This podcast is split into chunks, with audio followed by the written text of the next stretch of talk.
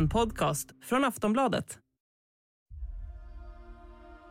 Det verkar som om ryssarna börjar tappa greppet om Cherson på allvar. Den ukrainska regionen som ligger i södra delen av landet har länge varit i ryska ockupationshänder. Men nu verkar det alltså som att ryssarna måste backa. Cherson, som även är namnet på den stora staden i regionen, var den allra första för ryssarna att ockupera när kriget inleddes. Och att staden nu kanske närmar sig en befrielse har därför en viss symbolik. Samtidigt som ryssarna retirerar börjar vi också att höra talas om dirty bombs och rädslan för att det ska användas i Ukraina-kriget. Men vad är en dirty bomb egentligen? Och varför går ryssarna tillbaka i Cherson just nu? Hur går det för de två länderna i kriget på det stora hela? Och vad händer om en så kallad dirty bomb skulle användas? Kommer USA att kasta sig in i kriget då?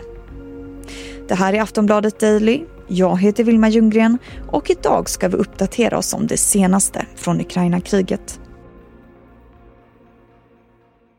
Med mig i studion här idag har jag Niklas Wendt, reporter här på Aftonbladet. Han får börja med att beskriva vad som har hänt i Cherson på sistone. Ukraina fortsätter avancera i den här regionen då på västra banken av Dnepr och det har de gjort i ganska länge. Det är någon typ av kämpande reträtt som Ryssland verkar bedriva där man steg för steg blir tvingad bakåt. Uh, och uh, det här har pågått ett tag. Det var många som förutsåg att den stora offensiven under hösten skulle komma just i den här regionen. Istället så fick Ukraina sina största framsteg där i norr, öster om Charkiv, med väldigt långa svepande avancemang. Men den här fronten är egentligen viktigare kan man säga. Varför är den viktigare? Dels så ligger den här regionen, Cherson, precis norr om Krim, den här halvön som Ryssland har ockuperat sedan 2014. Eh, och den är väldigt viktig, dels för Krim för att eh, färskvattnet som strömmar dit kommer härifrån. Ehm, och den här regionen genomkorsas av den här stora floden Dnepr och staden Cherson ligger egentligen på, på västra banken av floden. Och Ryssland tog stora delar av den här regionen ganska snabbt i februari för de hade väldigt starka förband på Krim som kunde anfalla norrut eh, och ta mark som Ukraina inte kunde försvara eftersom de hade tvingats prioritera försvaret av Kiev. Uh, och för Ryssland är ju den här staden ett steg på vägen mot um, hamnstaden Odessa som ligger ännu längre västerut som man hade som mål i början av kriget att erövra. Och för Ukraina så är den ju å andra sidan då porten till att befria resten av södra Ukraina som man brukar beskriva som Ukrainas ekonomiska hjärta. Mm. Och nu har ju invånare i Cherson börjat eh, evakueras. Hur går det? Ja, det är ryska, de eh, ryska myndigheterna där i regionen som har, som har uppmanat alla att eh, lämna staden. Och från början var det en uppmaning och eh, under helgen så har det väl börjat beskrivas som ett krav. Då, att man har sagt att nu ska alla härifrån. Eh, och jag vet inte exakt hur det där går. Jag har sett ryska uppgifter som, som hävdar att 25 000 människor har, har flyttats över till andra sidan floden. Då.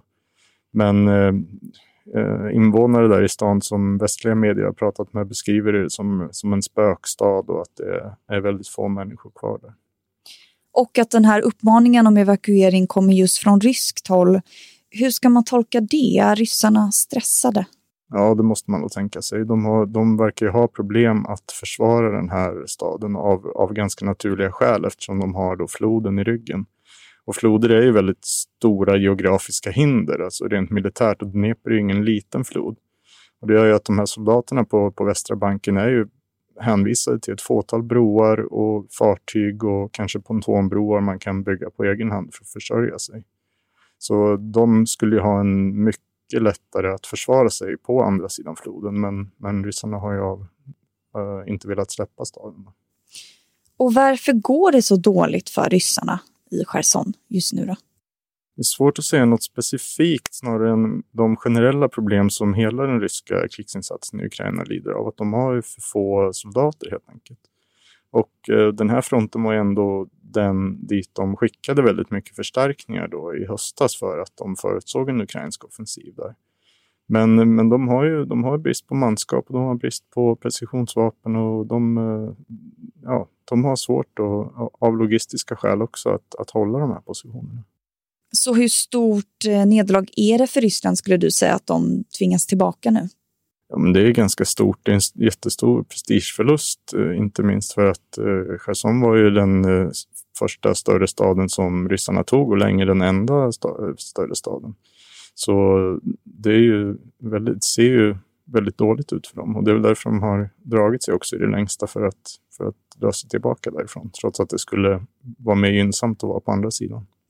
Det finns ju också en oro för att en damm norr om Cherson, tolkar det som, skulle kunna sprängas, vilket skulle kunna få stora konsekvenser. Eh, vad, vad handlar det om? Ja, det finns ju en sån här hydroelektrisk damm där då, norr om staden, eh, Kakovka-dammen, som, som ukrainarna har varnat för att, att eh, ryssarna ser ut att minera och eh, placera sprängmedel vid. Då. Och det, sprängdes den så skulle det vidga floden och eh, översvämma, ja, ukrainarna har nämnt eh, 80 städer och samhällen som skulle drabbas av de här översvämningarna. Ryssarna å sin sida hävdar att det är Ukraina som tänker spränga dammen och att, det, att de därför har börjat sänka vattennivån som finns bakom dammen och så där för att minska skadorna. Men det där verkar ju ganska osannolikt. Ukraina behöver ju den här elektriciteten som eh, dammen kan generera och eh, ryssarna har ju den, den, senaste tiden i större utsträckning gett sig på just Ukrainas energiinfrastruktur.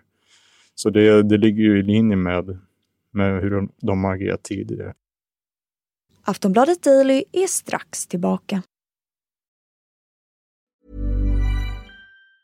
Say hello to a new era of mental health care. Cerebral is here to help you achieve your mental wellness goals with professional therapy and medication management support. 100% online. You'll experience the all new Cerebral Way, an innovative approach to mental wellness designed around you. You'll get a personalized treatment plan from a therapist, prescriber, or both in a safe and judgment free space. Your cerebral therapist or prescriber will outline a customized plan with clear milestones along the way so you can get to feeling your best. With Cerebral, you're not alone in your mental health journey. We're here to empower you to live a fulfilling life. So take that first step towards a brighter future and sign up today at cerebral.com slash podcast and use code ACasts to get 15% off your first month. Offer only valid on monthly plans. Other exclusions may apply. Offer ends July 31st, 2024. See site for details.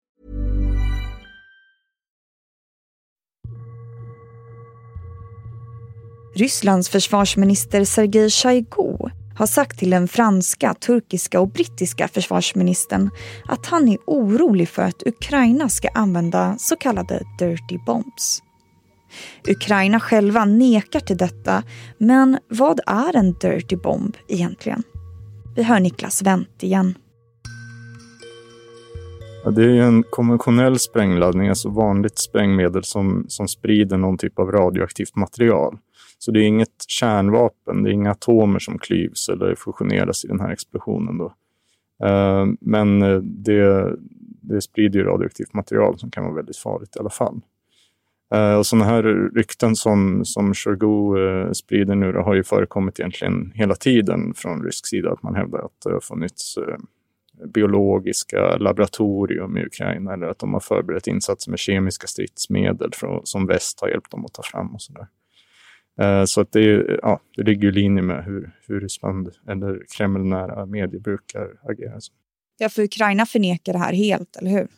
Ja, det gör de ju och det, det är väl svårt att se något skäl till att de skulle vilja spränga en smutsig bomb. Eh, väldigt svårt att föreställa sig vad det skulle göra för nytta för dem. Men hur farlig är en sån här bomb för människan? Även om det inte är ett kärnvapen så låter det ju inte jättekul med radioaktivt avfall. Nej, verkligen. Alltså, som jag förstår saken så är en, en smutsig bomb inte nödvändigtvis så mycket dödligare för människor vid själva detonationen. De, alltså, hamnar man inom dess sprängradie så, så är det, ändå, det är ändå inte bra. Men däremot så kan den ju förorena ett område över längre tid och ge människor som vistas där skador, högre risk för cancer och, och liknande effekter på lång sikt. Så det som det gör är att, att det kan göra ett område helt obeboeligt, att det måste saneras innan människor kan eh, vara där eh, på ett tryggt sätt. Men hur stor sannolikhet tror du att det är att sådana dirty bombs kommer användas någon gång i kriget? Inte så stor sannolikhet. Det är så svårt att se nyttan för någon sida med att göra det från rysk sida så, så enda anledningen att göra det skulle ju vara om man kan sälja in att det är Ukraina så att säga för att motivera en egen upptrappning eller något sånt. Men det kommer ju ingen tro på i alla fall om det är Ryssland som hävdar det. Och likadant från ukrainsk sida så dels kanske man har väldigt begränsat intresse av att kontaminera sitt eget land med radioaktiva material. Men Eh, det enda, om man som mest konspiratoriskt tänkbara scenariot skulle väl vara om man upplever att stödet från omvärlden sviktar och man på något sätt behöver belägga Ryssland med någon typ av ännu allvarligare övergrepp än vad Ryssland redan har begått.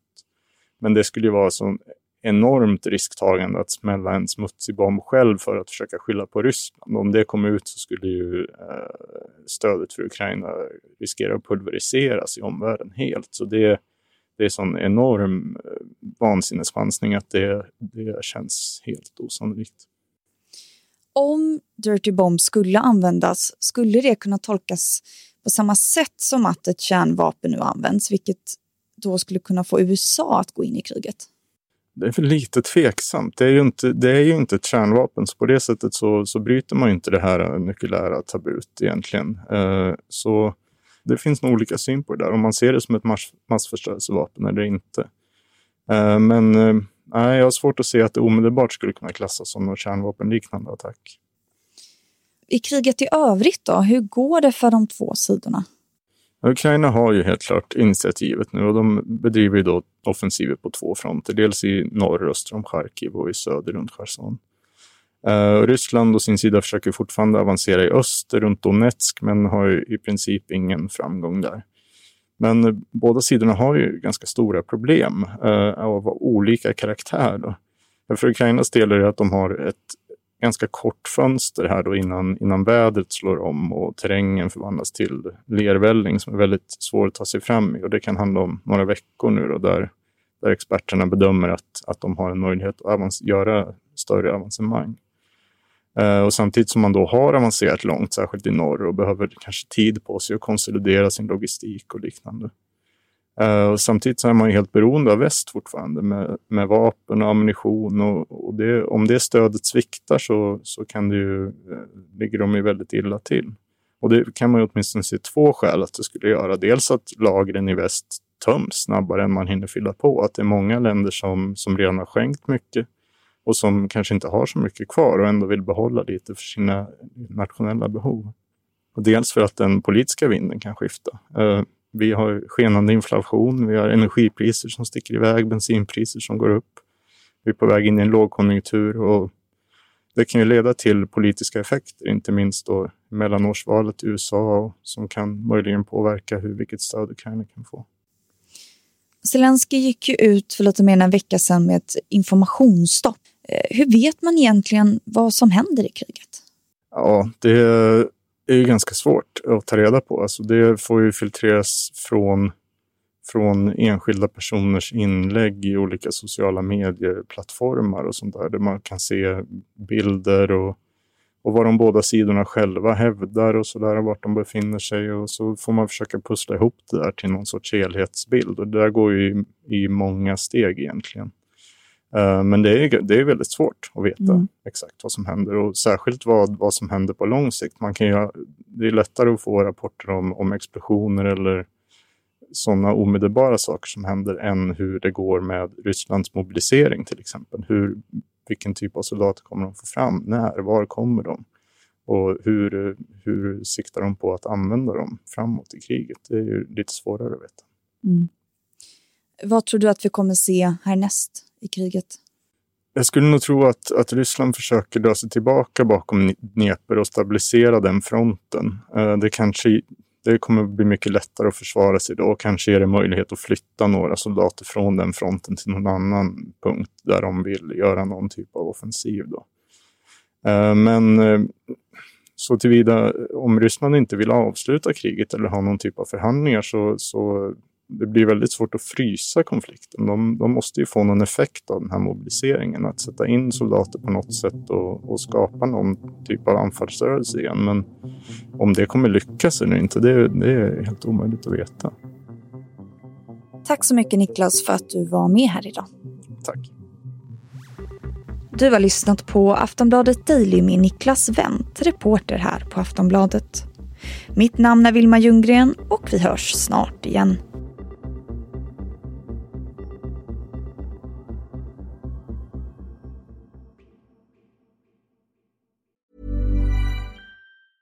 Tired of ads barging into your favorite news podcasts?